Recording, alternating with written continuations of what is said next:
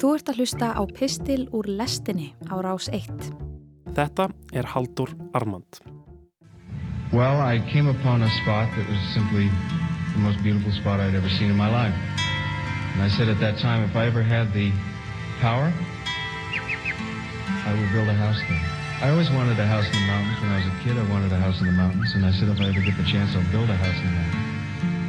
And then it came and I did. And I built it on the spot that to me was, as I said, the most beautiful spot I'd ever seen. Ég er að koma frá há áhættusvæði, sagði ég við bílstjóra flugurútunar meðan ég bjástraði við að koma töskunum minni fyrir í farangusgeimslu. Ég var með hanska og grímu fyrir andlitinu. Hann hörfaði skref í burtu þegar ég saði þetta. Já, er það já? Hvaðan? Þískalandi, svaraði ég. Ég veit ekki af hverju ég saði þetta við hann. Mér leiði eins og ég væri hættulegur og mér líkaði þessi tilfinning eiginlega. Það voru einhver völd í þessu lúki og þessari setningu. Mér langaði líka bara að sjá viðbröðans. Mér langaði að sjá hversu hrættur hann væri vegna þess að þetta var jú maður sem gat ekki unnið heimann frá sér. Hann keirði rútuna. Allan daginn tók hann á móti svona eitur gemlingum eins og sjálfu mér inn í rútuna sína og hver vissi hvað við bárum í farteski okkar. Hver vissi hvað var á seiði innra með okkur, hvað hafði sest á töskunar okkar eða úlpunar á löngu ferðalagi. Ég var ekki með henni einkenni en ég hagaði mér eins og ég væri geyslavirkur, eins og af mér stafaði geysileg hætta fyrir alla kringum mig. Ég erði sóttur á BSI og plani var að þar myndi ég döðurreinsa töskunar mínar, setja þær sjálfur í bílskott, lappa síðan á dvalarstað minn og taka þar töskunar upp úr skottinu og koma mér síðan í sótt kvíjar atkvarfið þar sem ég myndi verja næstu tveimur vikum, þar sem ég sit núna undir gamalli vegg klukku og les þessi orð. Fyrir morgunin hafði ég verið í Amsterdam. Þangað hafði ég aldrei komið áður. Æslander hafði sendt mig þangað, líklega til að sapna saman fólki í eina vél heim. Nokkurum klukktímum áður hafði ég átt að millilenda í Frankfurt, þar á undan London. Þetta breytist hratt. Sífælt bárust nýjir tölvupóstar með breytingu á fluginu. Ég hugsaði með mér að svona væri ótisefskviða í alþjóðavæðingunni. Hún færi fram í viðtekingarhætti. Ótisefur hefði geta komið til Lótofaka og hann hefði getað strandað hjá Calypso en ekkert af þessu hefði alveg gerst vegna þess að miðanum hans heim til Íþöku hefði alltaf verið breytt áður en hann gat lagt af stað frá tróju. Ótisefur 2001. aldar væri ekki að berjast við kíklópa og seiðkerlingar út um víðan völl heldur væri hann bara einhver náengi að refresha e-mailin sinni upp í rúmi eins og ég. En núna var ég í Amsterdam í fyrsta skipti og ég vissi ekki af hverju. Ég gati ekki hugsað annað en að kannski væri þetta síðustu andartökin í alþjóðavæðingunni eins og við þekkjum hana. Ég var maður sem var stattur í Amsterdam. Ég var maður sem var stattur bara einhver staðar í heiminum og vissi ekki af hverju. Ég var hérna af því einhver hafði ákveðið það. Einhver sem ég sá aldrei og var aldrei í samskiptum við heldur fekk ég bara flugmiðan sendan í tölvupósti án útskýringa. Ég sprittaði lofa ferðarfélaga míns. Kanski var þetta okkar veröld sem var þegar við sprittuðum hvern annan á flugvellinum í Amsterdam. Tveir ungir menn sem voru bara einhver staðar í heiminum, allstaðar og hvergi, án þess að hafa ákveðið það sjálfur á leðinni heim. Þegar ég bar töskunar inn í sótt kvíjar atkvarf mitt, rak ég augun í fyrirsögn á bakþöngum frettablasins sem lá á gólfinu í andirinu. Neislan þín er vinnan mín, stóð þar.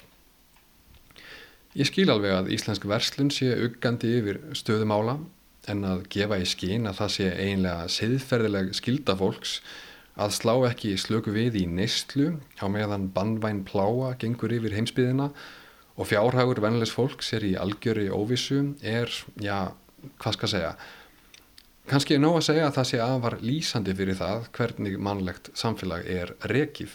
Það er ekki oft sem slíkur sannleikur er sagður upphátt Mest öll markaðsmennska snýst um að sannfara þau um að neysla þín færi þér hamingju og lífsfyllingu með því að leysa vanda eða uppfylla skort af einhverjum toga í lífiðínu.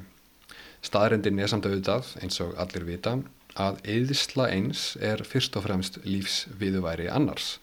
Þetta er í grófum dráttum það sem alþjóðlega hagkerfið grundvallast á. Við kaupum eitthvað sem okkur vantar eða langar í og látum fólkið sem útvegar þessa hluti fá peninga sem síðan notar þá til að kaupa sér eitthvað sem það vantar eða langar í og svona koll af kolli til eilíðar. Þetta er eilíðar vél sem má ekki stoppa. Hún hreinlega má ekki stoppa í halvtíma. Þetta er eitt af því sem koronaveiru faraldurinn sínir svo vel, hreinlega hvað mannlegt samfélag er ferlega viðkvæmt undir yfirborðinu hvaða eru mörg svið þess sem bókstaflega þóla ekki að drepið sé á vélinni í eina sekundu. Áður en maður nær að deppla auga er ríkisvaldið byrjað að dæla miljardatugum inn í bankakerfið og allt ringsnýst kringum það að bjarga fyrirtækjum. Mantran er þessi það þarf að bjarga störfum fólks til þess að tryggja afkomu heimilana. Þetta er réttlætingin. Heimilum fólks er bjargað gegnum fyrirtækin en ekki með bytni aðstóð.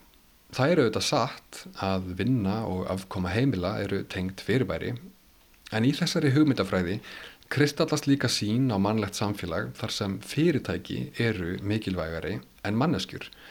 Manneskjan og mannleg tilvera yfir höfuð er, samkvæmt þessari sín, eins konar afurð neyslu hagkerfisins en ekki öfugt. Á tímum bannvæðnar pláu sem lamar samfélagið er öll áhersla lögða það að þú getur unnið en ekki að þú getur lifað. Ríkistjónin hefði vitaskuld getað gert alls konar hluti sem hjálpuðu fólki og heimilum beint en það var ekki gert. Vinnan kemur á undan lífinu. Af hverju skildi það vera? Hverjum þjónar það á endanum? Ég læði fram með töskunnar, lokaði út í dýrahörðinni, klætti mjög hönskunum og dróniður grímuna. Ég gekk að stofuglugganum Sótt kví mín var hafin. Ég skimaði út og sá engan. Það var engin á ferli. Eina lífsmarkið sem ég sá var kona sem var að þrýfa hótelherbergi skamt frá. Ég fyldist með henni um stund gegnum tvær rúður. Já, þú þart að mæta í vinnuna, hugsaði ég. Fólk sem vinnu við ræstingar getur ekki unnið heima hjá sér. Hverjir aðrir þurfa að mæta í vinnuna á þessum hættulegu tímum? Jú, rútubílstjórin sem kerði mig hingað kennarar, heilbriðis starfsmenn, fólkið sem annast gamla fólkið á dvalarheimilunum. Þótt mistur koronaveirunar liggi núna yfir framtíðarlandinu, óvissan um það sem koma skal sé algjör, þá dregur hún um leið svo margt annað skýrt fram í dagsljósið. Eins og til dæmis þetta, sem allir vita. Fólkið sem í dag þarf að forna sér, fólkið sem er berskjaldað fyrir veirunni, Fólkið sem getur ekki bara tekið símafund er fólkið sem þarf í alvörunni að mæta í vinnuna alla daga. Fólk sem vinnur samfélagi sínu raunvurlegt gagn, fólk sem er ekki í bullstörfum, fólk sem á það sameigilegt að vera á lágum launum. Hæst launaða fólkið í samfélaginu hins vegar, topparnir í viðskiptalífinu, bankageirin, stjórnmálamenn, aðstóðarmenn, stjórnmálamanna, ríkisforstjórar, millistjórnmyndur og svo framvegis þurfa hins vegar ekki að mæta í vinnuna. Ef þeir ætla að mæta klukkan tíu í fyrramálið, þurfa að skreppa aðeins eða vera heima eftir hátegi eða hreinlega bara mæta ekki, þá eru allar líkur á því að ekkert gerist. Afleðingarnar verði engar. Það skiptir á endanum engu sérstöku máli hvort þeir mæta eða ekki. Skildi eitthvað af þessu hafa breyst þegar pláan er afstæðin Já, hverju skildi pláan einlega geta breytt? Hvers er hún raunverulega megnug? Ætli það geti verið að Íslandst samfélag verði orðið jafnara og réttlátara þegar þokunni léttir? Skildu allir þessir 20 miljardar sem nú sógast upp úr vasa almennings skila sér á endanum í betra og sangjarnara lífi fyrir þorra Íslandinga? Já, hvers er pláan megnug að breyta? Hér verður því spáð að þegar þessi plága er afstæðin þá sé eitt sem ekki verður breytt og það eru íslenskur ójöfnöður og íslenskir valdastruktúrar. Sama fólk mun keira luxusjeppa í leifstöð á leiðinni í skíðaferð og sama fólk verður áfram á sultar launum við að annast fóreldraðess á meðan. Sama fólk mun fara með völd, sama fólk verður valdalaust, sama fólk verður auðugt og sama fólk verður fátækt. Gripið verður til rótækra og fordæma lausra aðgerða til þess að ganga úr skugga um það að ekkert getur raunverulega breyst. Nú á tímum sigrar allra síst, sá er tröðla öfgum verður háður, nýja Ísland fæðist næsta víst, nákvæmlega sem og það var áður.